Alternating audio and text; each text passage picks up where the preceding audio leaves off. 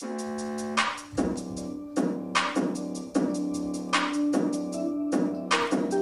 til vår sangkrimpodkast. Vi er to krimbesatte damer som savna akkurat denne podkasten, så vi lager den sjøl. Jeg heter Nora. Og jeg heter Heidi, og dette er Live! Live!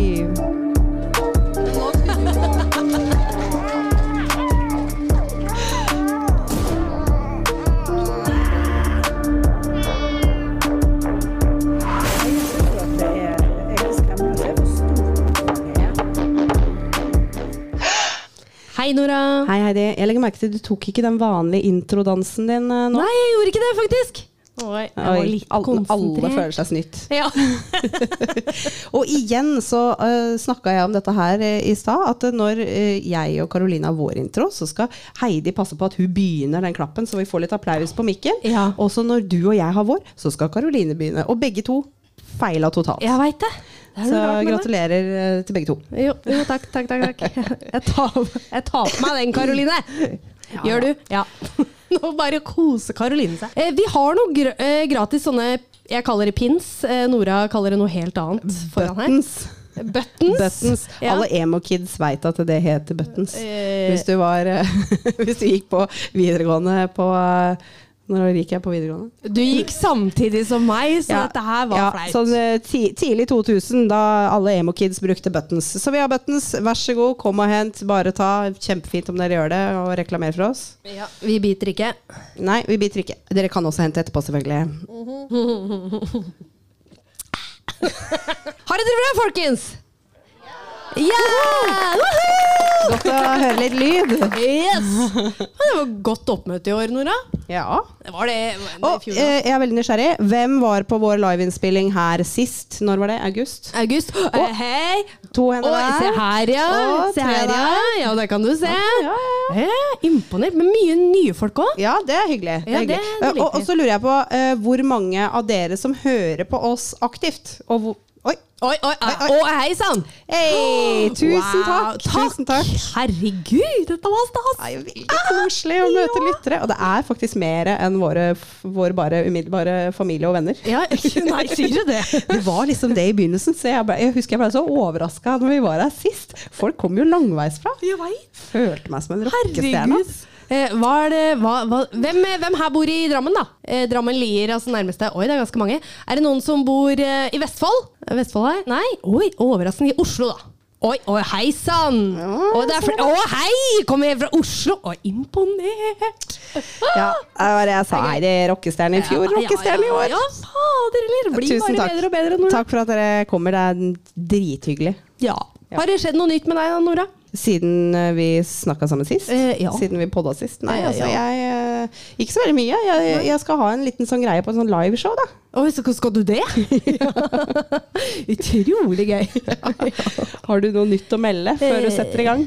Nei, jeg tror ikke jeg har det denne gangen. Det Altså. var lite tomprat, men eh, hvis vi har noen skippere i publikum, så er vel det greit. Ja, ja, ja. Har dere noen spørsmål, så er det bare å si fra.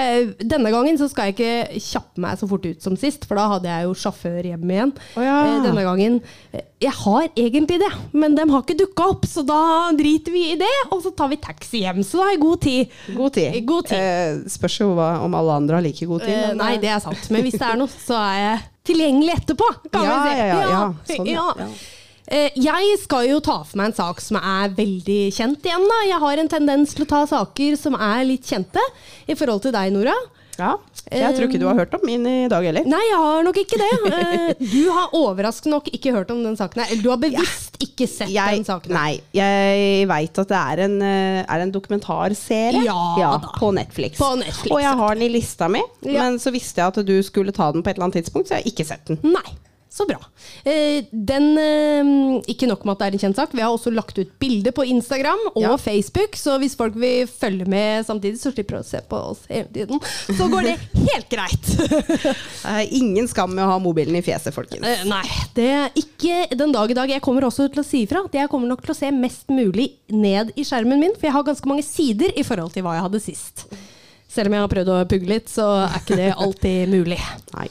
Nei, så vi kan begynne at i midten av 2010 ble New York elite oppmerksom på Anna Delvis ankomst. Hun var en tysk arving hvor farens formue kom fra å konstruere solpaneler, olje og gamle gjenstander.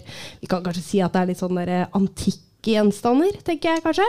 Unnskyld, sa du at han produserte gamle gjenstander? Ja, For det han henger jo ikke helt solgte, på han solgte. okay, Han konstruerte solpaneler, men så drev han mye innen olje, og da eh, solgte litt sånn gamle gjenstander. Da. Litt sånn antikk-forhandler-type. Yes. Ingen visste hvor Anna fikk sine penger fra, noe som fikk mange i omgangskretsen hennes til å gjette.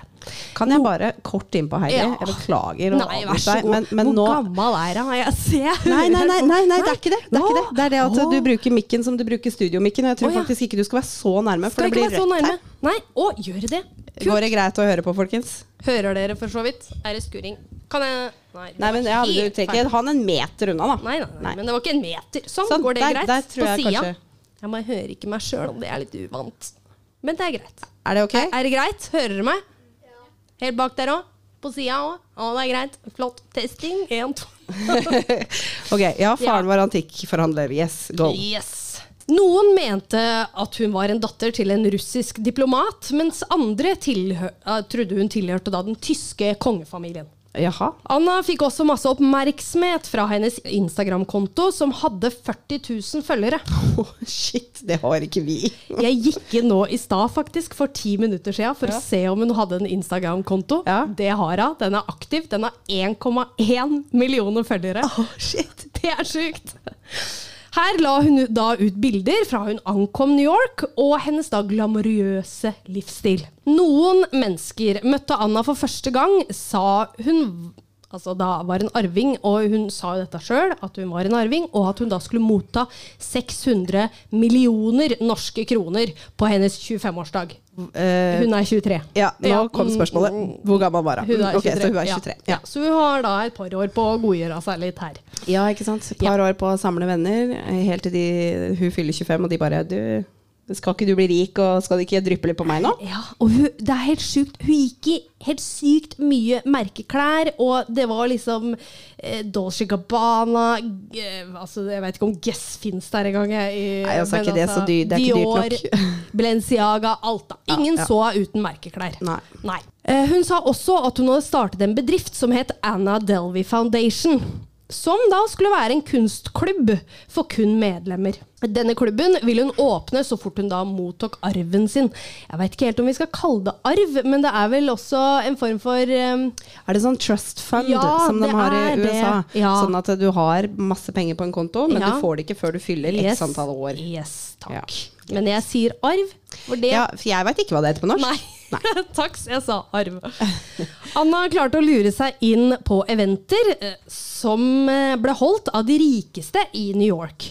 Noe som førte til at hun også begynte å holde sine egne private middager. Da for å få forretningskontakter. Disse menneskene var stort sett den yngre generasjonen av eliten, som Anna tok med storm med hennes dyre smak innen klær, mat og da drikke. Ja. Skal skulle ikke Men hun har jo åpenbart penger, da. Ja, det har hun. Hun sløsa med seg med penger. Ja. De fleste som møtte Anna, noterte at hun var ganske frekk, og kunne komme med spydige kommentarer, som da eksempel You look poor, Oi! aka du ser fattig ut. Å, fy faen. ja. Anna oppførte seg som hun hadde vokst opp innen luksus, og visste ikke helt hvordan hun skulle oppføre seg rundt da normale mennesker. Hun var langt ifra vennlig og hadde en aura av selvtillit. Og det merkeligste av alt her er at det, de digga det.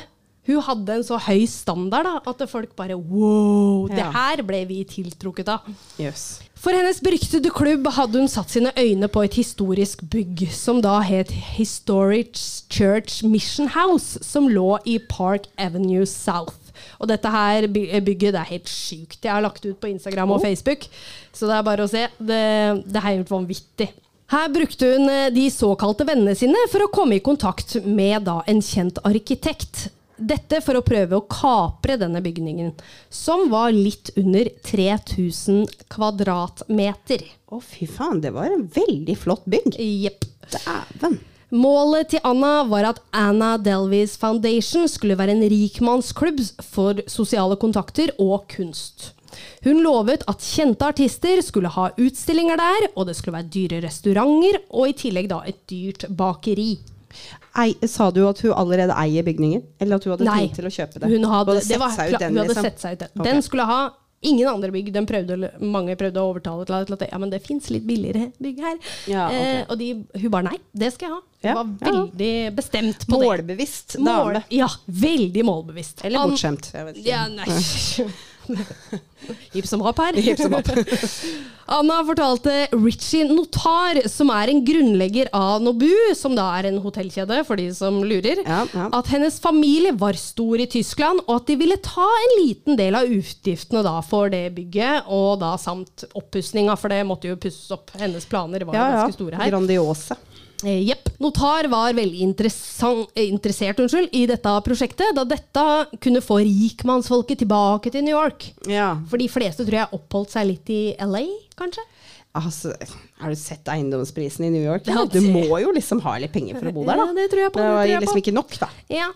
Han var jo veldig imponert over driven hennes og hva hun hadde fått til i en så ung alder, for hun var jo kun 23 år. For å være sikker på at hun fikk bygningen, måtte hun skaffe 200 millioner kroner. Anna tenkte først å få hjelp av private investorer for å samle inn dette depositumet. Men Det er, og det er bare depositum. det er et bare Å, oh, fy steike. Ja, ok. Men hun ombestemte seg da uh, hun ikke ville bli fortalt hva hun måtte gjøre av disse investorene. Ok. Altså, da kan du tenke deg Altså bare Nei, jeg skal være min egen sjef her. Jeg tenkte det hadde jo vært fint å få penger av noen andre. Ja, ja, det hadde jeg tenkt òg. Herregud, kom igjen, invester i Ja, det er bare å investere i oss, liksom. Whatever. Hun begynte så å photoshoppe dokumenter for å forsikre seg lån i banken. Og hun da ville ta opp et lån på 220 millioner kroner. Ja, hvor de 20 millionene ekstra, det, det får du vite til slutt, kanskje, hvor hun ville bruke disse pengene. I disse dokumentene sto det at Anna Delvey var verdt 600 millioner kroner, og hun hadde verdier i andre land som kunne bevise at hun kunne betale for seg. Og de verdiene, var det også Photoshop, eller? Mm, Ja, ja, det var nok det, tror jeg. En deal ble godkjent av et eh, velkjent advokatfirma i New York City. Hun signerte en kontrakt på at hun hadde verdier til da å betale for prosjektet. Og i denne kontrakten sto det også at hun ikke skulle gjøre noe som kunne skade ryktet til advokatfirmaet. Sorry at jeg ler, men altså, hvis du har hørt denne historien her før, så skjønner du kanskje hvorfor. Ja. Hun fikk også dette firmaet til å tro at selv om hun hadde pengene til å betale ned dette lånet, så var alle pengene låst til utlandet. Ja, Ja. naturligvis. Dette også kunne hun da bevise via en swish-bank. Og for de av dere som ikke veit hva det er, så er det en internasjonal bank, da. Ja, ok. Ja. Ja. Det å prøve å lure banker var ikke nok for Anna, så hun prøvde å få donasjoner fra hennes berømte venner. En dag så ringte hun ei venninne og sier at kredittkortet hennes ikke fungerte når hun prøvde å sjekke ut av et hotell. Hun spør så om ikke venninnen kunne overføre 350 000 kroner. ja. Ja, til kortet hennes. Jeg vippser deg. Ja, ja, ikke sant? Nettopp. Det var, hun hadde den oppførselen der. Ja, Jeg bare vippser deg. Det er ikke noe problem. Så skulle da selvfølgelig da Anna betale, så fort hun da hadde pratet med banken sin. Ja, For hun sa jo alltid det var noe problem med banken, da. Ja. Eh, heldigvis så sa denne venninna eh, nei, tvert nei. Det var vanlig for Anna å spørre folk, eller venninner eller venner, om å betale for henne. Da, om det var ting, eller om det var reiser til utlandet, det spilte ingen rolle. Ok, jeg hadde stadig kort som ikke funka. Ja. Eh, hun sa jo selvfølgelig at hun skulle betale tilbake senere, og så dette her glemte hun jo da ofte. Ja, for det er jo bare småpenger for henne Ja. som har så masse. ja, ja, ja, ja. Jaha. Dette skjedde til slutt så ofte og med flere, så de begynte nå selvfølgelig å stille spørsmål på hvem hun virkelig var.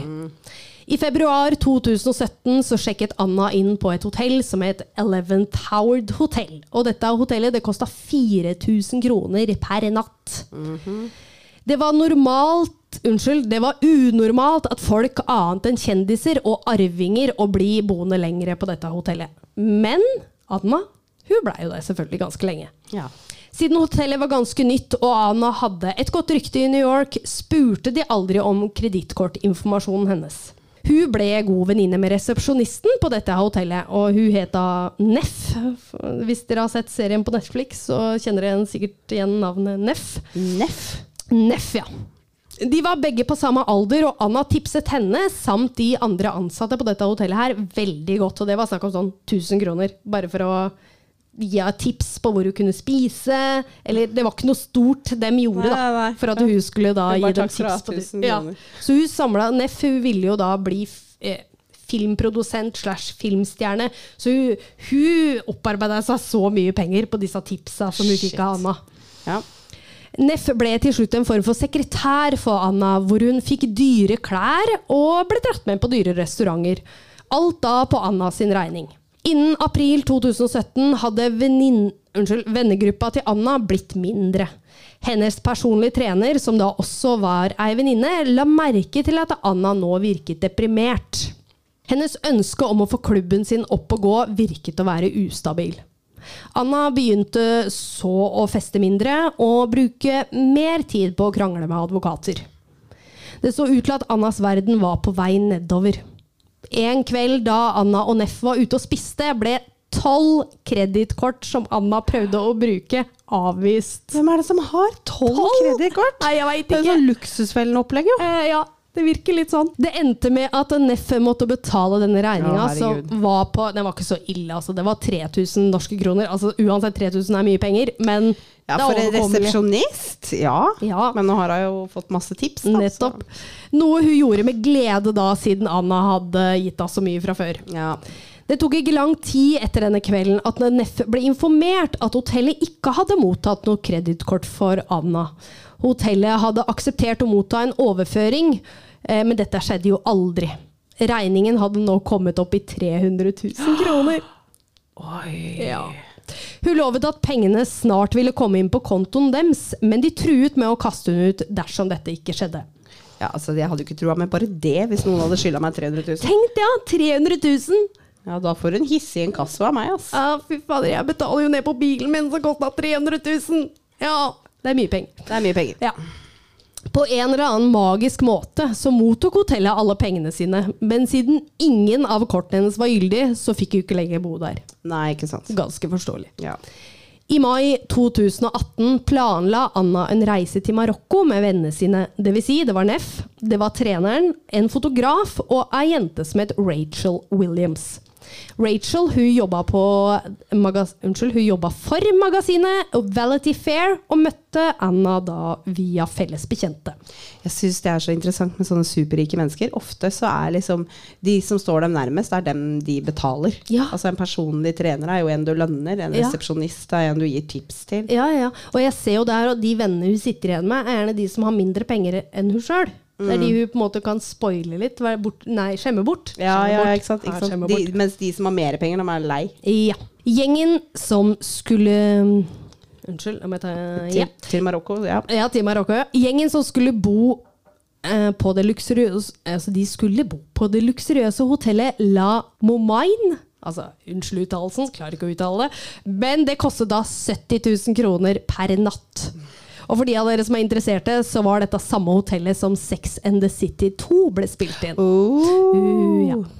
Vennene ble bekymret når de hørte prisen, og sa at eh, vet du hva, det her har vi ikke råd til. Eh. Men selvfølgelig Anna hun sa jo slapp av, dette betaler jeg. Ikke noe problem. Ah, Hvorfor, hvorfor skjemmer ikke du meg bort på den måten her? ja, ja, Altså, hadde, Er du ikke glad i meg? jeg kunne aldri blitt lot lottomillionær. Jeg hadde skjemt bort alle. Ja. Yep. Ja, det. Nettopp. Det er sty stygg sak. Jeg håper du blir lottomillionær. Ja. Neff hun ble ikke med på denne turen, her da, for moren hennes hun ante litt sånn ugler i mosen. Det her var for godt til å være sant, Ja. så hun blei ikke med.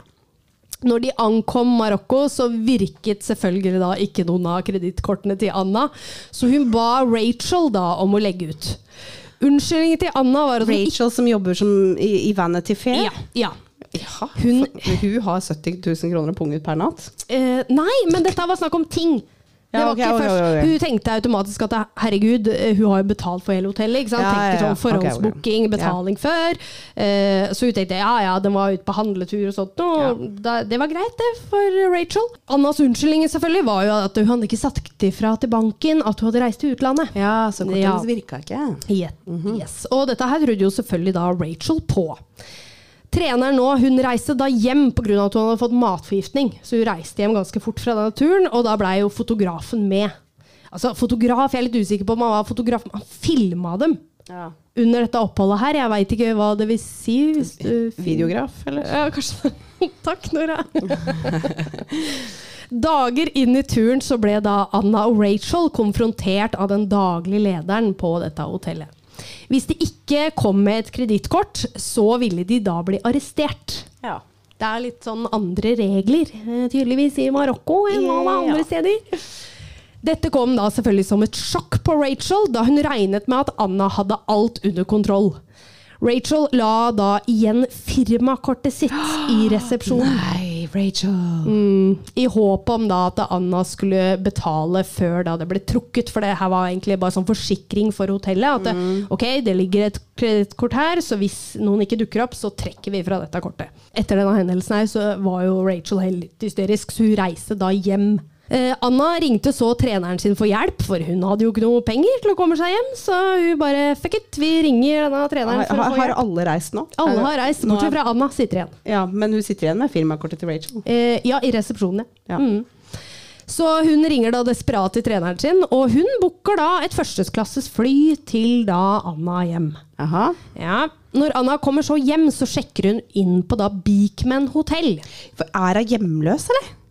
Eh, nei, hun hopper fra hotell til hotell. Ja, men da er hun vel hjemløs, da? Eh, ja, i utgangspunktet, ja. Ja. ja. Okay. Hvorfor hadde hun ikke brukt disse pengene istedenfor å bruke da flere hundre tusen på hotellrom? Hvorfor kjøper hun seg ikke noe? Ja, du, Ja. Jeg er sikker på at du kan leie deg en ganske fet leilighet for de Ja. penga det koster. Ja, veldig sant. veldig sant. Skjønner ikke det helt det sjøl.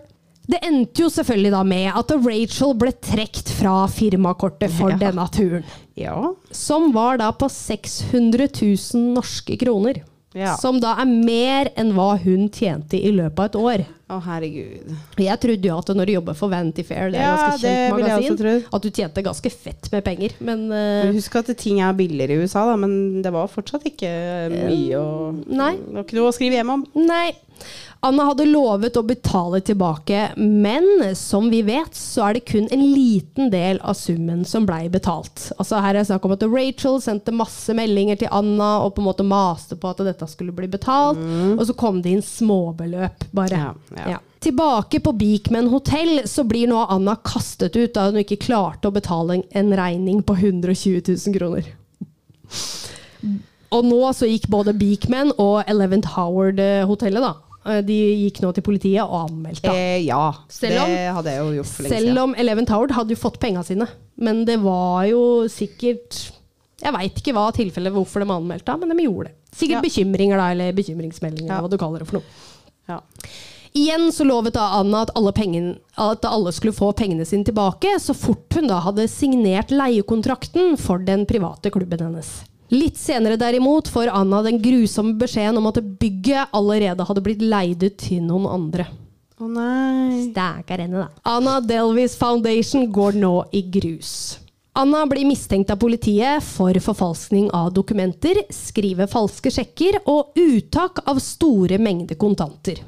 Anna ba banker om lån og utsettelser ved å love å betale dem da tilbake fort. Altså det vil si altså betale hele beløpet for ett avdrag, eller på ett avdrag. da. Ja, ja, sånn er jeg skylder deg 100 000. eh, Jeg betaler inn alt. Jeg, jeg skal betale 15 i måneden, men eh, du kan få alt hvis jeg får tre måneder på meg. Yep. Skjønner. Mm. Når hun fikk da innvilget utsettelse, så ville hun ta ut da masse penger som hun da brukte på å betale gjelden sin andre steder. Altså det, det sier jo litt, da. Så hun skyldte kanskje da 200 000 til det hotellet. Da tok hun ut masse, og så betalte han ned den summen. Så hun kunne holde på sånn her kjempelenge. Eh, hun prøvde også å lure flere ved falske kvitteringer eh, om at da regninger var betalt, selv om de da ikke hadde mottatt noe penger. Det var nå klart at Anna ikke var en tysk arving, og hun var i hvert fall ikke rik. Men hvem var denne jenta som klarte å lure hele New York? Hennes virkelige navn var Anna Sorokin. Jeg tror jeg uttaler dette riktig her. Hun ble født i Russland og flyttet til Tyskland i tenårene. Faren hennes var en lastebilsjåfør, Sorry. og moren hennes jobbet i en dagligvarebutikk. Ikke for å, det var ikke meninga å le av lastebilsjåfør. Det er dødskult yrke, syns jeg. Jo, jo, Men, men, det men, litt men, det er litt annerledes fra liksom, antikvitetsforhandler og arving og riking og Jepp. alt mulig. Ja. Ja, det er sant. Familien klarte seg greit, men Anna ville ha mer ut av livet. Hun flyttet så fra Tyskland for å gå på ungdomsskole i London, men flyttet tilbake like før hun skulle ta eksamen for å jobbe i et motefirma i Berlin.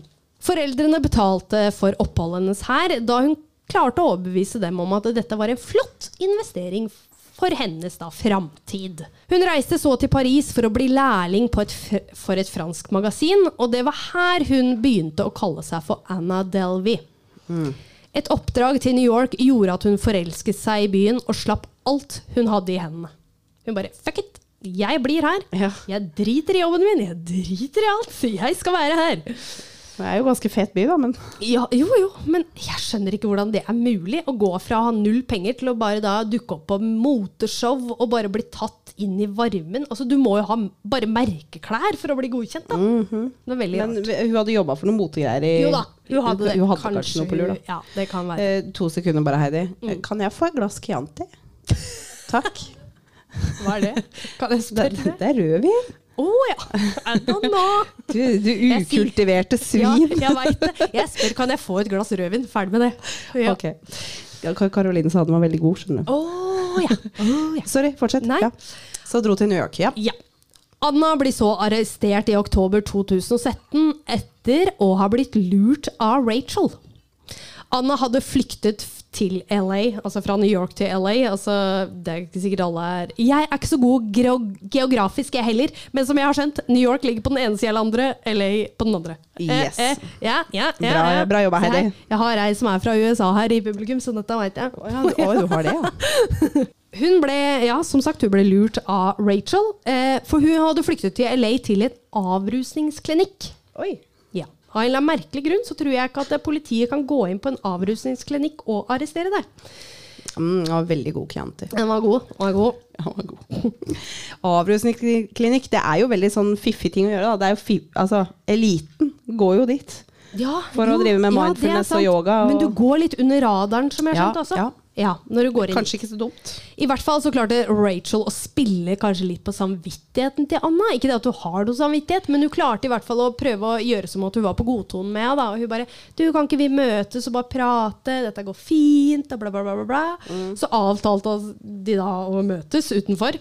Og det var jo ikke hun som sto der. Det var jo politiet. Oh. Ja. Wow, wow, wow, wow. Skulle hatt en sånn. Ja, det skulle faktisk det. Selv om Anna svindlet folk og bedrifter for nesten tre millioner kroner, så nektet hun å inngå en avtale da med myndighetene. Hun sa Det seg det er, det er freidig. Det er freidig, altså.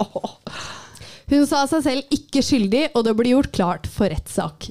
Jeg tror ikke den saken her hadde vært så vel dok altså, bra dokumentert, hadde det ikke vært for at det, i denne tida her så ble det nyss i, i noen som jobba for kan det være New York Times? Jeg husker ikke helt. Okay. Ikke ta meg på det her, folkens. Jeg har sett Inventing Anna, men det, det er en, eh, en journalist, redaktør jeg husker ikke helt.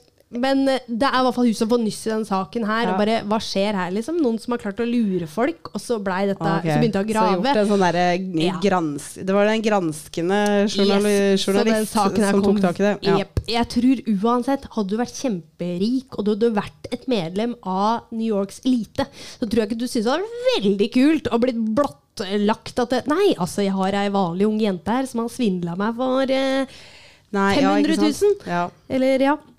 Ja det, det koster litt å gå ut med din side av saken òg, liksom. Ja, ja. Til og med nå er Anna høy på seg selv. Hun sier hvis folk er skeptiske til om hun er rik, så kunne de jo satt en kausjon. For det gjorde de da tydeligvis ikke. Å ja, ja, fordi hun kan jo bare betale seg ut. Men det er jo veldig lett å si det når ikke det er noe kausjon. Nettopp. Nettopp. For da kunne jo faktisk folk sett om hun betalte den eller ikke. For det Mhm. beviste jo da hennes uh, uskyld eller ikke, som du Ja, sier. ja, Ja. Før rettssaken ansatte faktisk da Anna en stylist. Og du må ikke spørre meg hvor hun fikk disse pengene fra. Oi, det. Nei. Nei, det var vel hennes gode navn og rykte, da. Det kan må godt jeg bare fortsette ja. å bla i de bildene dine. jeg. Ja, gjør det. Ja. Hun ble ved flere anledninger eh, faktisk forsinka til rettssaken sin, fordi hun da ikke var fornøyd med antrekkene som stylisten da hadde valgt ut. ja, Men jeg er litt kritisk til det hun var fornøyd med. Ja, jeg veit Altså. det, men det her var sikkert ikke noe høymotesgreier. Det fins flere bilder av det her på nettet. Jeg har lagt ut to Ja. på Instagram og Ja. Facebook, så dere kan se. Jeg er ikke veldig imponert, men eh, ja. Altså, Slangeskinn er litt fett, da. Ja. Men jeg vet ikke. Åh, ja, der sier du noe. Eh, april 2019 så ble Anna da funnet skyldig i tyveri, tyveri av tjeneste og forsøk på storsvindel. Hun ble frifunnet da for handlingene mot Rachel, og ble fritatt fra å betale henne tilbake. Nei, Rachel! Ja. Oh. Men det skal også sies, hun gjorde masse intervjuer i ettertid, så hun tjente på det. her. Rachel? Ja. ok, bra. Ja, så det, mange har gått imot det og bare mm, ja, Kanskje du er litt grisk oppi det her, du òg? At det ikke er så synd på deg likevel. Nei, men altså, Hun skyldte jo firmaet sitt da 600 000. Ja, Det er jo merkelig at du ikke fikk sparken. Eh, ja. Eh, ja. Fikk vel en veldig bra story, da, tenker jeg. Det kan være. Til sammen så ble jeg i hvert fall dømt til fire til tolv års fengsel, da samt å betale erstatning til hoteller da, og banker. Anna sier i ettertid at hun ikke angrer på noe av det hun har gjort, og hennes mål var aldri da pengene, men at hun da var glad i makten hun fikk. Ja, ok. I februar 2021 så slapp Anna ut av fengsel, men ble fort hentet inn igjen da de ville kaste henne ut av landet. Ja. Ja. Anna mener selv at dette var verre enn det å sitte i fengsel. ja. Hun fikk fort eh, Unnskyld, hun fikk fort en form for kjendisstatus og solgte hennes livshistorie for 3,2 millioner til Netflix. Oi. Og etter å ha betalt da erstatninger til banker og hoteller, så satt hun igjen med ca. 200 000 kroner fra denne dealen. Er ikke dårlig, det, da. Nei, jeg syns det er ganske bra, Ja. Hun vant jo. Men for henne, da, 200 000 er jo lommerusk. Altså, det er hva da? Kanskje Jo, jo, men egentlig ikke. Egentlig så er hun ei jente som kommer fra ydmyke kår. Ja da. Så ja, ja, ja. hun er jo helt hvermannsen, egentlig. Veldig sant. Men nå har jeg jo levd i så mange år med å bare Men samtidig så har hun sittet inne i Hvor lenge, sa du? Ja da. Eh, I eh, Ja, hvor lenge satt hun inne? Eh, hun slapp ut i 2021, og så kom hun inn Åh, ikke ta meg på det. Eh, 2019. Kan det stemme? Okay, Nei, 2017. Ja, ok. Så Ja, hun satt inne i fire år, eh, og satt igjen med 200 000. Minstetida, da. Det er Ja. dårlig årslønn. Det er dårlig årslønn, det. Aha, veldig dårlig årslønn. Jækla dårlig. Hvis dere vil se denne serien her, så kom faktisk den ut i 2022 på Netflix og heter Inventing Anna, og jeg anbefaler den på det sterkeste. altså. Greit, da Ja, skal jeg se den. Og her er det egentlig gjort litt annerledes, for de tok faktisk um, uh, historien hennes først, og dette vennegreiene, og så Ja. tok de egentlig Anna uh, Inventing Anna, eh, Unnskyld, Inventing Anna. Anna Foundation Mm. det, det hotellet hun ville skape, eller eh, bygget hun ville skape. Det tok dem på slutten. Mm. Men når jeg så årstallet, så er det jo egentlig motsatt. Ja, ikke sant. Ja. Så um, ja. Andre ting som skjedde i 2022, var at hun signerte en kontrakt med Murray Production, hvor hun skal være stjerne i et reality-program om hennes liv da i fengsel. Ok, Den men hun ikke- er jo ikke i fengsel lenger. Nei, men hun Nei, jeg veit da fader, jeg. Kanskje hun skal Om det kanskje da Jeg har ikke sett at det har kommet ut, men Nei. kanskje det, de har spilt inn?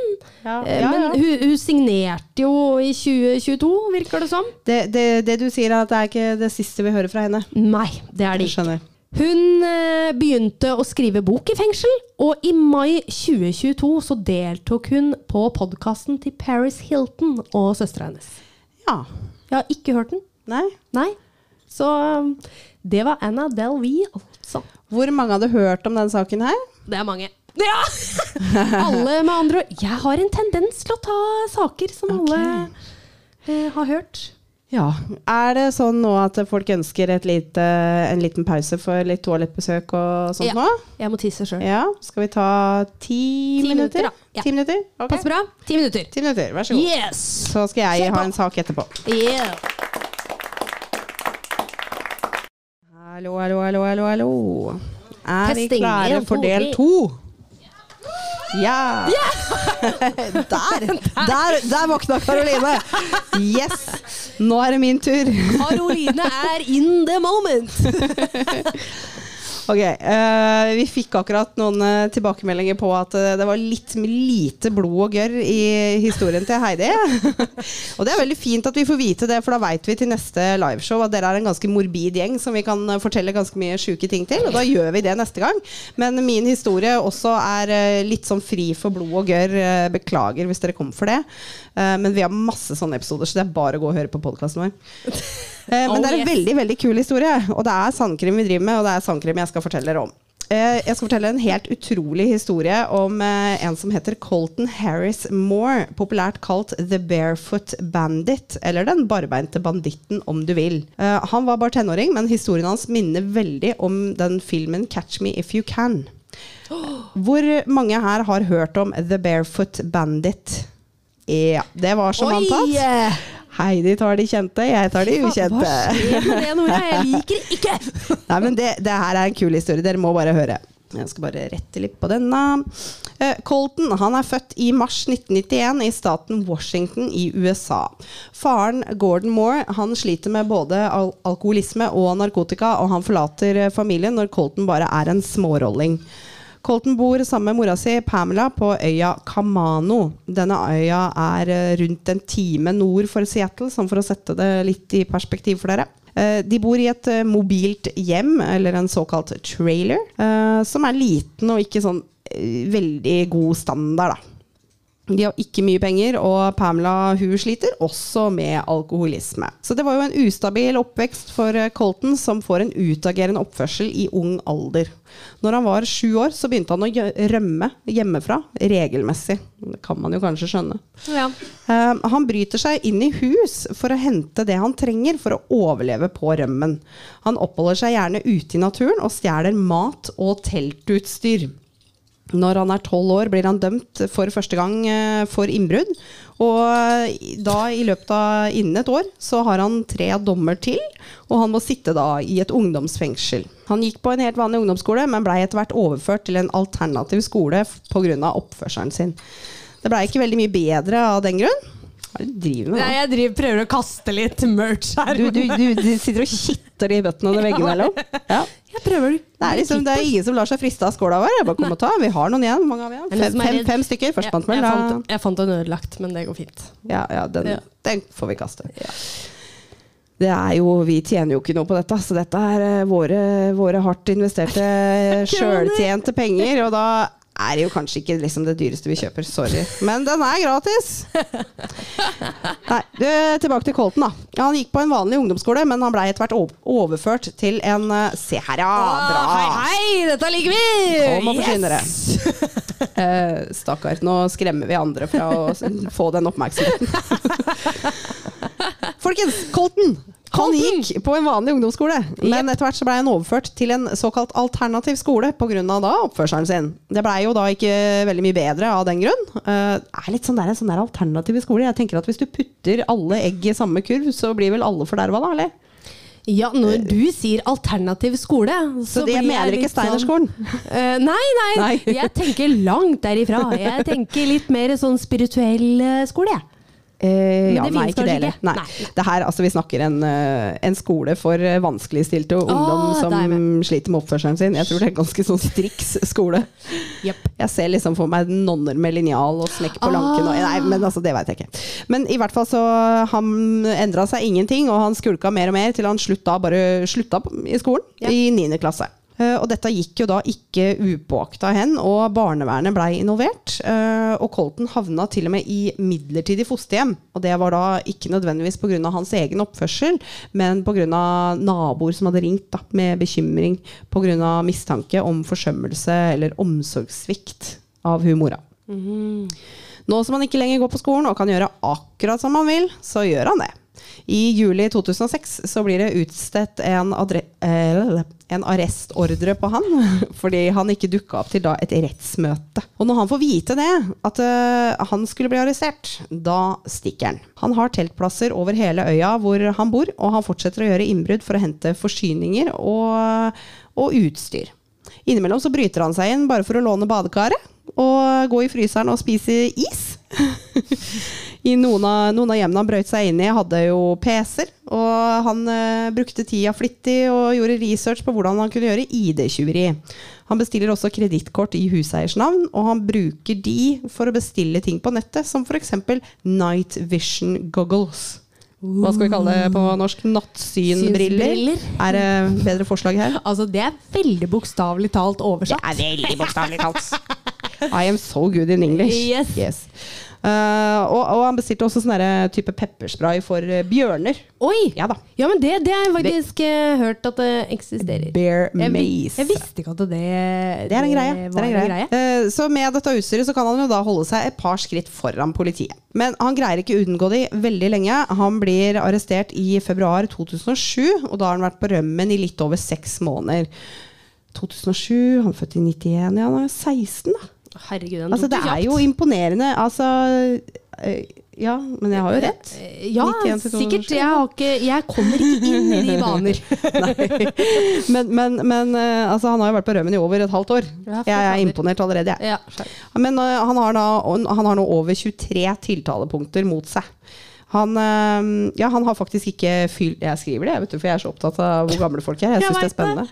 Uh, han er faktisk bare 15. Han fyller 16 det året. Åh, shit. Ja, det er drøyt. Det er drøyt. Ja. Og så og så bare, altså den frekkheten. Ja. Han bare Nei, jeg, skal bare, jeg trenger bare låne badekaret. Og så oh, Har dere is i fryseren? ja takk. Um, han får gjort en avtale med myndighetene hvor han da sier seg skyldig på tre punkter. Og da får han en dom på tre år i et ungdomsfengsel. Og det fengselet heter Green Hill School. Og er faktisk, eh, selv om det høres ut som en vanlig skole, så er det et medium til maksimum sikkerhetsfengsel. Som tilbyr sine innsatte, som da gjerne er gutter på alderen til Colton, å studere. Så når man er ferdig med å ha tjent sin dom her, så kan man gå ut med high school-diplomet i handa. Veit du hva de tre tiltalepunktene var? Ikke spør så vanskelig. Altså, nå skulle jeg ta en Nora her, Ja. bare sånn at du veit det. Access denied. Yes, ok. Nei, skyter den rett ned. Um, Colton han gjør det bra. Han er en eh, mønsterfange skråstrek student. Og han blir da overført til Griffin Home Residential Treatment Center i februar 2008. Og dette her er eh, såkalt halfway house, eller overføringsbolig, som er jo da for straffedømte som gradvis skal tilbakeføres til samfunnet. Og da er det jo lav sikkerhet vi snakker om. Det spekuleres jo litt da i om han var eh, så medgjørlig og grei å ha med å gjøre på Green Hill, bare for å kunne komme til et sted som var lettere å rømme fra. For det gjør han. To måneder etterpå så stikker han fra stedet gjennom et ulåst vindu. Da stjeler han en bil og kjører tilbake til øya hvor han hadde bodd eh, med mora, og fortsetter livet i det fri, altså ute i naturen. Han bor eh, rundt omkring utendørs, og fortsetter også å gjøre innbrudd for å hente det han trenger. Nå var jo politiet litt bedre forberedt. Da. De kjente han bedre, og lokal presse hadde også tatt tak i saken, så nå var det litt mer kjent. Og saken blei enda større i media juli samme år, i, altså 2008, når politiet da tar opp jakten på en svart Mercedes som kjører uberegnelig. Altså, jeg tror ikke gutten har lappen. Hvem er det som skulle tatt med han på øvelseskjøring? Uh, nei, det Nei. var det.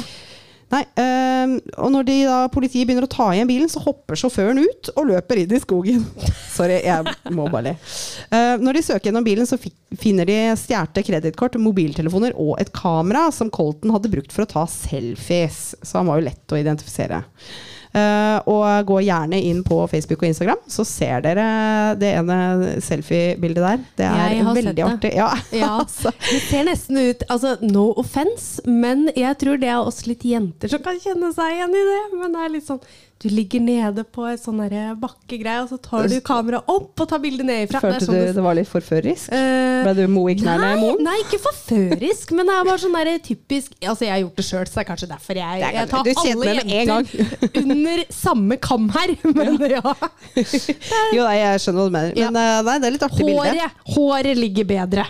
Håret på ligger- jenter. Og, Ja. når du ligger, Når du ligger så får du den der og tar sånn selfie. Ja. Ariel under du- vannet, liksom. Ja, ja, helt riktig! Ariel i vannet. Se her, jeg er flere som nikker her. Er helt enig med meg. Ok, ok. Ja. Um, I hvert fall, uh, det bildet Jeg syns det er dødskult. Det er, altså, han ligger på ryggen, som Heidi sier. Og han ser, det ser ut som det er liksom fra teltplassen hans. Eh, han har en lommelykt ved sida av seg og plugger i øra, og han koser seg på tur. Dette bildet sprer seg på nettet, og han får rett og slett en liten fanbase som følger aktiviteten hans da på nettet. Um, og han har jo en tendens til å gjøre innbrudd barbeint, og han legger inn fotavtrykk nok steder til at de veit at dette her er, dette pleier han å gjøre. Og da får han jo selvfølgelig kallenavnet sitt, The Barefoot Bandit, eller Den barbeinte banditten, som jeg foreslår. da. Colton følte nå at øya var litt liten for han, så han uh, tenker at nå jeg, er det på tide å pakke teltsekken. Så i august så stjeler han en båt og drar videre til Orcasøya. I oktober så holdt de et folkemøte på denne øya om det økende antall innbrudd de hadde hatt i det siste, og de mistenkte jo da at det var Colton som sto bak. Politiet satte inn et ekstra gir for å få fatt på Colton, og da dro jo han bare videre. Så nå, folkens, kommer sjølve rosinen i pølsa. For det var ikke dette kult nok, så skal vi nå helt nye høyder, bokstavelig talt. Fordi Colton, da, veslegutten, han stjeler da et Cessna-fly. Nei! Jo. Han stjeler en Cessna 182, som er et lite propellfly. Og hvis du har sett bildene våre, så har du allerede sett det der. Ja. Og han greier altså å, å lette fra øya og krasjlander i Yakama-reservatet, som er 480 km østover. Altså, Jeg trenger kanskje ikke å nevne det, men denne gutten han er 17 år. Han har aldri flydd noe fly før. Nei, men hvordan i helvete klarer du å lette et fly når du ikke har peiling på hva du driver med? Han har aldri vært passasjer i et fly engang. Nei, tenk det! Hvordan er det mulig? Nei, det er bare å gi seg over. Det er eh, dødsimponerende. Ja. De antar da at han har lært det sjøl ved å lese bruksanvisninger på nettet. Hei, hei, jeg tror han har lært det ved å spille kanskje sånn Jeg skal ikke si talt under samme kam her. Leser du på skjermen men... min? Fordi han har spilt spill. Nei, jeg har det! Nei, jeg gjør ikke Jeg kan jo ikke lese så lang avstand. Sorry, ass. Jeg er okay. langsynt. Skulle tro jeg klarte det. Nei, De antar at han har lært det sjøl ved å lese bruksanvisninger på nettet. Sett, hva skulle du si nå? Nei, nei, det var bare jeg bare kom over til lys her. Altså. Det kom opp et lys. Hva, hva heter spillet du var ute etter? Nei, eh, nei, eh, nei, jeg tror ikke det er Fortnite. Nei. Nei, jeg har aldri spilt det før. Jeg tror det er noen krigegreier eller noe sånt. Jeg har ikke Hva peiling. Flight Simulator. Det er ti poeng til Karoline. Er det et spill i Det det, hele tatt? Det er et spill. Seriously? Det har du fins traktorsimulator, da? Wow. Um, All right. Jeg vet ikke om du skal si det offentlig, Karoline. Nei. Eh,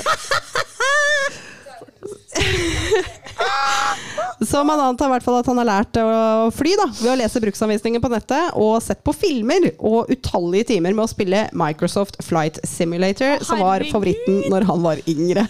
Men altså, eh, lese bruksanvisninger. ja, Der, der forsvant det litt. Den spaken for å gasse på, denne drar du tilbake fra lette. Men har et fly bruksanvisning? Alt har vel bruksanvisning. Du har jo det på bilen din! Ja, mm, ja, jo, Ja, det er greit. Men jeg trodde ikke Det er ikke sånn du lukker opp en dør i kabinen, og så bare Hei, er bruksanvisningsboka Nei, men han har lest det på nettet, da. Ja, jo, ok. Jo, du kan- Da er det godt planlagt, ass. Ja, jo, jo, men det er det. Ja, ok. Og, og eh, i tillegg, altså eh, Spoiler. Det er ikke den eneste gangen han kommer til å stjele fly. Nei, ok. uh, og de, det, det de, jeg så en dokumentar hvor de sa det at han eh, brukte timevis på Google Earth for å liksom se seg ut et sted han kunne lande, Mm. og også se seg ut et sted han kunne stikke kjapt etterpå.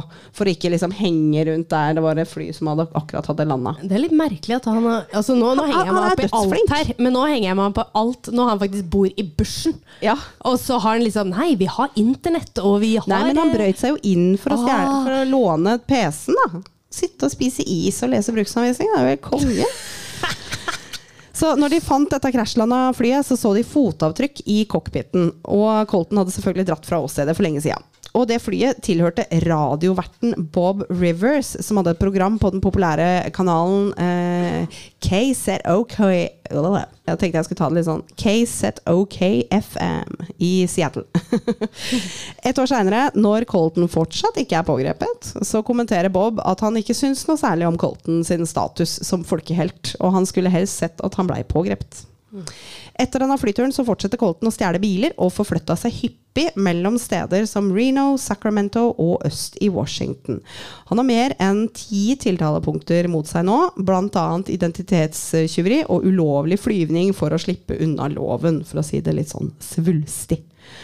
Han drar tilbake til hjembyen, eller hjemøya, Kamano, i mai 2009. Og i juni samme år så bryter han seg inn i en politibil og tar et gevær og ammo, en mobiltelefon og annet politiutstyr. Da er du freidig, ass! Det er småfrekt. Eh, nå er Colton 18 år, og han er god på det her, altså. Han er nøye og kalkulert, og han ligger alltid foran politiet. Og nå driver han med øyhopping hele sommeren. Nei! Jeg, det er liksom ikke akkurat sånn øyhopping som andre driver med i Hellas, Nei, nei, men det, dette, det gjør han. Han driver med øyhopping hele sommeren i Washington. I, og Fly? I, ja, nei, men da bruker han båt, da. Oh, ja, okay. Men i september 2009 da stjeler han et fly igjen. Og denne gangen er det en Cirrus SR22. Og i mine øyne, som fullstendig ikke har peiling på fly, så, så er det ganske likt det forrige. Det er et sånn lite propellfly. Ja. Denne tok han fra San Juan Island-flyplassen, og han landa pent på Orcas Island-flyplassen. Og begge disse flyplassene er såkalt public airport, som betyr at de er rimelig åpne. Nei, du kan gå inn, ikke sant. ja, Det var akkurat det jeg skulle spørre om òg. Ja. Hvordan i helsike klarte han å komme seg inn på en flyplass? Men det ja. er eh, litt annerledes tilstander, eh, tror jeg. Det tror jeg. Det, er en, det er en flyplass i Kongsberg òg, liksom. Jeg, Ja, tror, det er ikke- jeg, jeg tror ikke det er noe Nei, Jeg tror ikke det er noe tollere men det er noen gjerder. Ja, Ja. men gjerder! Gjerder! Han bryr seg ikke om det!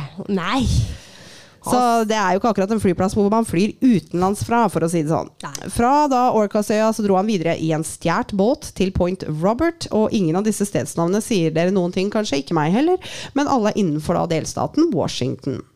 Der, eh, deretter er det da en serie med innbrudd som strekker seg eh, gjennom den kanadiske delstaten British Columbia, og som går ned grensa igjen til nord i Idaho. Og for dere som er litt rustne på amerikansk geografi, meg sjøl inkludert, eh, så er jo Washington er jo helt på vestkysten. Og, og det ligger helt opp mot Canada, og på andre sida av grensa der så er jo British Columbia, og så eh, på en måte hakket nærmere øst så er jo Idaho, hvis det ga mening. Ellers så er det vel ikke så innmari viktig at dere trenger å hente fram eh, kartet, men sånn cirka. Eh, Så her da, i eh, Bonners Ferry i Idaho, så stjeler han enda en Cessna 182. Samme som første hans hjerte, og flyr det 418 km vestover. Han sikter da på hjemøya Kamano, men han gikk tom for drivstoff og krasjlanda. Igjen. Og overlevde den der? Ja, ja, ja. ja. Nei. Ja da. Så i den hangaren hvor han stjal flyet fra, så er det barbeinte fotspor. Når faren hans blei spurt om hva han syns om sønnens aktiviteter, så sa han jeg er stolt av han. Ja, det hadde faen meg jeg vært òg. No offence, men ja. Jeg hadde det. Ja, Jeg er stolt av han. Vi Ja. hadde tenkt å sende han på flyskole, men da trenger vi vel ikke det. Nei. Dette fortsetter en stund til, og han stjeler flere biler og båter og fly. Det er totalt fem fly, altså. I oktober 2009 så får han enda et tiltalepunkt, og nå er han hovedmistenkt i rundt 100 innbrudd i Washington, Canada og Idaho. Men han lar ikke det bremse festen, og han stjeler da enda et fly. Det er en Sirius igjen denne gangen. Jeg tenker bare hold deg til det du kan lande. Eh, og så flyr han fra, fra Anacourt i Washington i februar 2010, og flyr da til Orcasøya. Dagen etter så bryter han seg inn i en butikk og stjeler 1000 dollar i kontanter. Jeg har også det første bildet på, som vi har lagt ut, er han som er barbeint i en butikk. og han har jo nå fått med seg hvilken sensasjon han har blitt i media og på nettet, og han er, syns at det er litt fett å ha i kallenavn, så han tegner da fotspor på gulvet med kritt. Og så skriver han også en kort melding 'Sia'. Nei! Det er så frekt, vet du. Fader. Nå er FBI også på saken, i tillegg til Homeland Security. Og De har flere agenter på Orcasøya. Kystvakta patruljerer vannet. Og de har et Blackhawk-helikopter i lufta for å leite etter han. Og han er 17. Ja, nå har han vel akkurat bikka 18. Ja. Oh, ja. Ja. Eh, men det plager ikke Colton. Han drar fra Orcasøya og videre til San, San Juan-øya og til Kamanoøya. Og FBI utlov, utlover nå en dusør på 10 000 dollar mm, for de som da kan gi informasjon som fører til eh, arrestasjon på den nå 19 år gamle gutten. Så jeg har det med. her. Jeg er veldig opptatt av alder. Ja, det er du. Ja, Men det er jo sykt imponerende. Ja, det er jævlig imponerende. Det er jo enda mer imponerende når han er så ung. Ja. Herregud. Og klarte å slippe unna alt som var eh, Eh, ja. FBI og FBI Homeland Security, Kystvakta, Black Hawk, alt! helikopter. Ah, fuck off. Ja, det er imponerende. I, Du burde ansett den, ja, faktisk. de, ja, ja. Ja. men da er vi helt på Catch Me If You Can. Yes, Ja. nettopp. Ja. I mai eh, 2010 så blir det funnet en lapp og 100 dollar på en dyreklinikk i byen Raymond i Washington. Og på lappen står det 'Kjørte forbi, hadde litt ekstra cash. Vennligst bruk pengene på å ta vare på dyra. Hilsen Colton Harris Moore, bedre kjent som den barbeinte banditten'. Å ja! Han er, han er jo god gutt. Han er jo ikke farlig. Han har jo ikke, han har jo ikke drept noen. Nei. Han har ikke, jo, han tok jo noe gevær da, men, fra den politibilen, men altså, han har jo også bjørnepepperspray. Ja, så. Det var kanskje bare for beskyttelse. Ja. I eh, juni 2010 så stikker Colton fra Washington og alle som er på jakt etter han, og setter kursen østover. Og da kommer han så langt som Illinois. Og om du skal kjøre den turen i ett strekk, Heidi, så er det 30 timer. Det er langt. I juli så blir en Cessna stjålet i Bloomington, Indiana, altså enda en stat lenger øst. Og Colton vil nå fly til Cuba. Fordi Cuba har jo ikke noe utleveringsavtale med USA.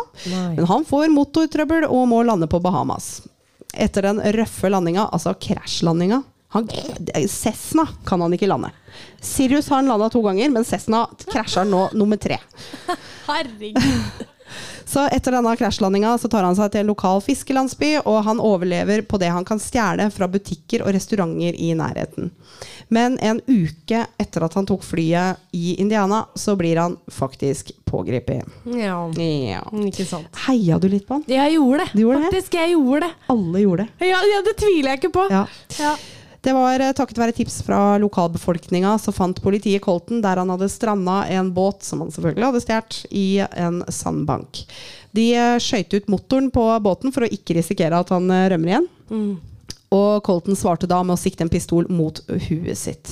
Men de fikk heldigvis overtalt han til å ikke gjøre noe drastisk, og de fikk pågrepet han, og da etter over to år på rømmen. Altså, Er det imponerende, eller? ja, det er imponerende. Det er det. Det er nesten en liten klapp til han, altså. Nei, jeg tror det. Ja, jeg syns det, jeg syns det, jeg syns det. Ja, faktisk. Ja.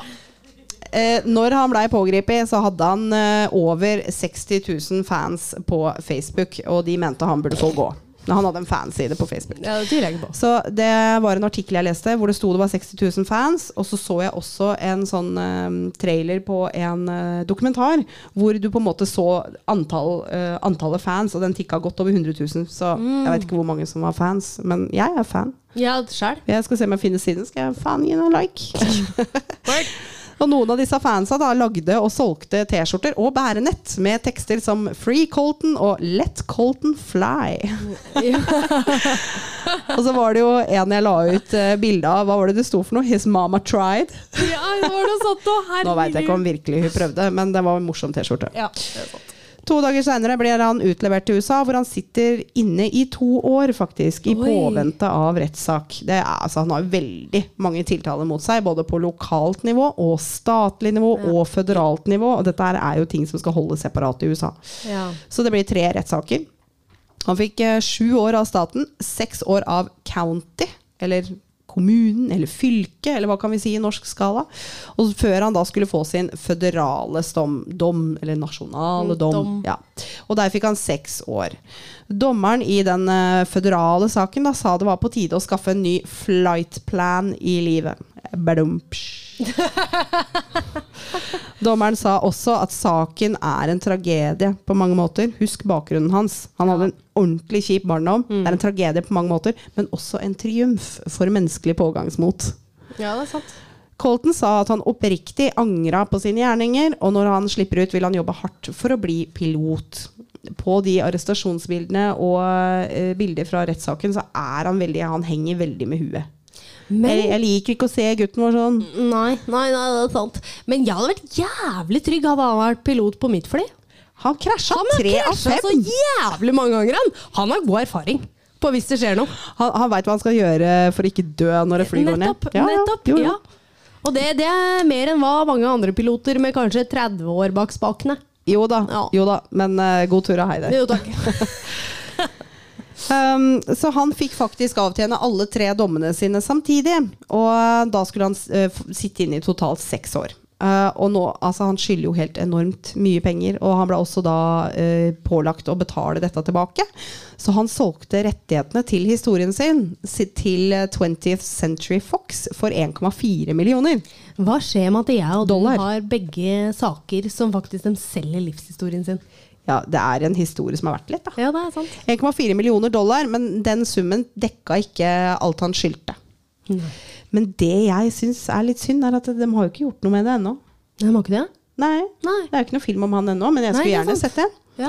Kanskje det kommer? Kanskje dere har hørt det her først? Eh? Ja, ja, ja. Å, det har vært kult. I september 2016 så blei Colton igjen en fri mann. Eller altså fri og fri, han har både gjeld og rulleblad. Han fikk da komme til en overgangsbolig, og denne gangen rømte han ikke. Men han fikk seg etter hvert en jobb hos advokaten som hadde representert han. I desember samme år så lagde han en sånn GoFundMe-side på nettet. Og for dere som ikke er kjent med det konseptet, så er det en slags online kronerulling. Spleis. Det er en spleis. Ja, det er spleis. Vi har jo spleis, vi. Ja, ja det har jeg glemt. Um, da skrev han følgende Nå er jeg 25 år gammel, fri og klar for å gjøre det her lovlig. Jeg elsker fly, men jeg vil aldri stjele et eller bryte loven igjen. Jeg brøyt loven massivt når jeg var yngre, men nå er det på tide å fokusere på karrieren og mitt frie liv. Og målsummen hans var 125 000 dollar, og målet var selvfølgelig å gå på skole for å bli pilot. Men han fikk sida si stoppa ganske kjapt, dessverre.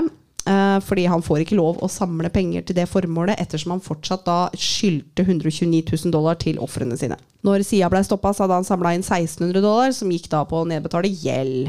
Hans forrige offentlige opptreden var et intervju på radio i 2019, hvor han fortalte da om sin besettelse med flyving, og hvor fantastisk det føles når man setter seg bak spakene.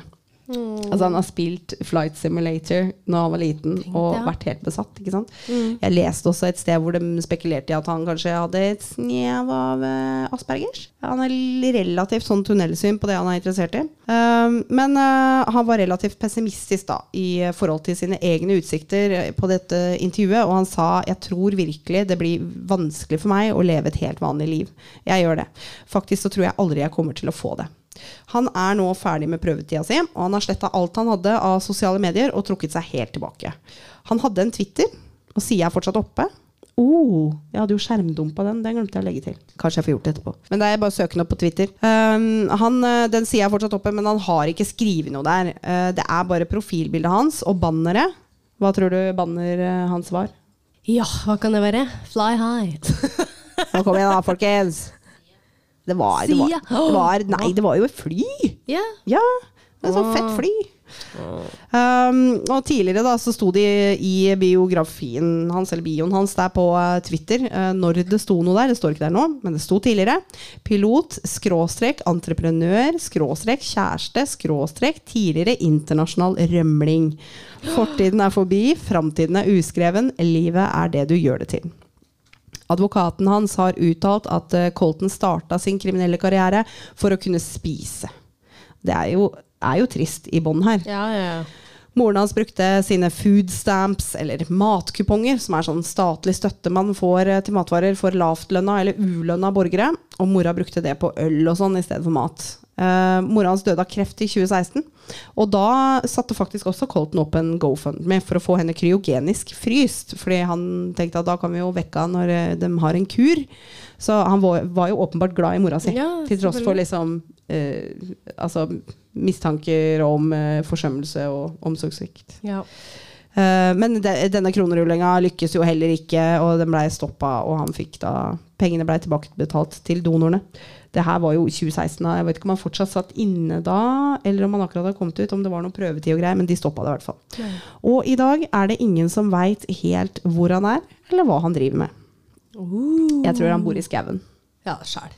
Ja. Tror jeg òg. Da, da har du ikke noen internettforbindelser. Nei. Eller du har kanskje det, men du, du har jo ikke tilgang til noe altså, Ja, da er vi ikke altså. interessert i det. Nei. Ja, det var min eh, historie, det. Herregud, imponerende, Snora. Jævlig spennende! Ja, kul sak. Ja. Veldig! Hvor, hvor, hvor mange her eh, heia på Colton? Hei. Ja, alle! Alle Ja, her. Nei, veldig bra. Dritkult! Det er ikke sånn at vi er en pod som digger kriminelle, men den er jo litt artig, da. Ja, faktisk, Det tror jeg er første gang vi faktisk heier litt på kjeltringen her. Er det første, da? Er det det? Jeg tror Det tror jeg, det tror jeg ikke. Nei, nei, nei. vi, har noen episoder under beltet nå. ja, ja, jo, det er sant. Ja. Det er sant. Ja, det nevnte du faktisk. At vi er jo eh, Nærmer oss 100. Vi nærmer oss 100 episoder. Oss 100. Tenk det, ja. Ja. Det var vanvittig. Ja, det er det. Hohoi, shit. Tusen, tusen, tusen takk for at dere kom. Ja, herregud. Veldig, veldig hyggelig å se mange kjente og ukjente fjes. Eh, det er fortsatt uh, fire, Fire buttons igjen her. Oi, fordi den ene ble ødelagt. Så det er bare å komme og hente hvis dere er gira på det. Det var det fra oss. Ja. Sak fra oss. Så ses vi om en uke da, Nora. Ja, vi høres om en uke. Det gjør vi. Ja. Ha det. Ha det.